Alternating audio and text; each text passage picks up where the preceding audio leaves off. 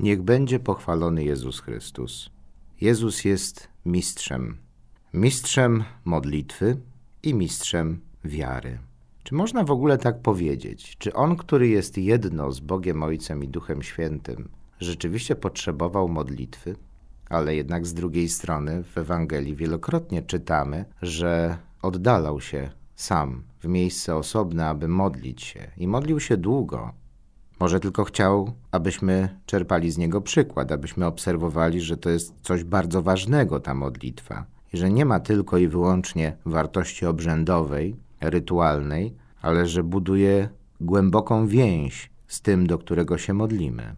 Jezus jest mistrzem wiary i to do niego przychodzą już apostołowie i proszą wzmocnij naszą wiarę. Jezus jest mistrzem wiary, która wspiera się modlitwą, która karmi się modlitwą. Jezus jest mistrzem wiary, która rzeczywiście potrafi czynić cuda. Ale z drugiej strony Jezus potrafi wywyższyć modlitwę jako tą, która jest ważniejsza niejednokrotnie od działania. I oczywiście wielokrotnie zwracamy na to uwagę i mówimy o tym, że trzeba czynić dobro, że trzeba być aktywnie obecnym w społeczności, we wspólnocie, że trzeba pomagać drugiemu człowiekowi. Jezus to w tym tygodniu również nam ukazuje, chociażby pouczając w poniedziałkowej Ewangelii, kto to jest ten nasz bliźni.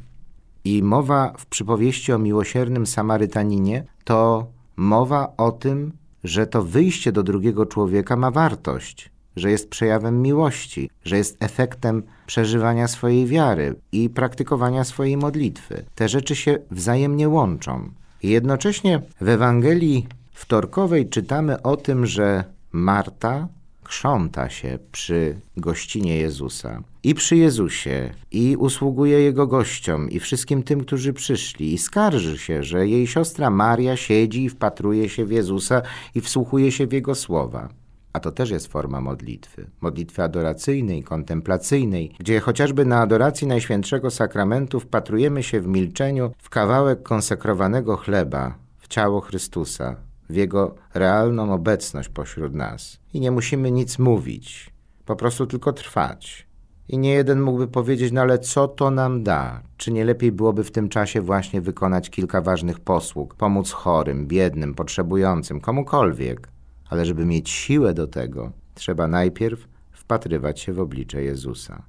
I tu zawsze mi się przypomina przy tym postać świętej Matki Teresy z Kalkuty, której zgromadzenie do dzisiejszego dnia praktykuje w swojej posłudze dwugodzinną, codzienną adorację Najświętszego Sakramentu, z której te siostry czerpią siłę do tego, aby iść i posługiwać drugiemu człowiekowi.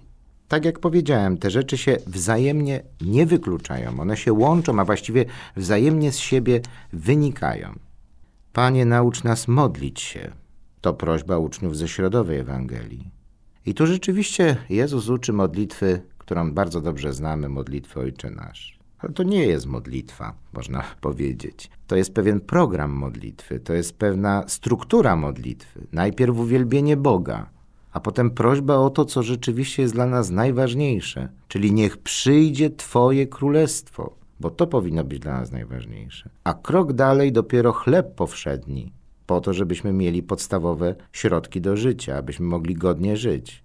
Jednocześnie to, czego strasznie potrzebujemy każdego dnia, odpuść nam nasze grzechy, uwarunkowane, gdyż i my odpuszczamy każdemu, kto wobec nas zawinił.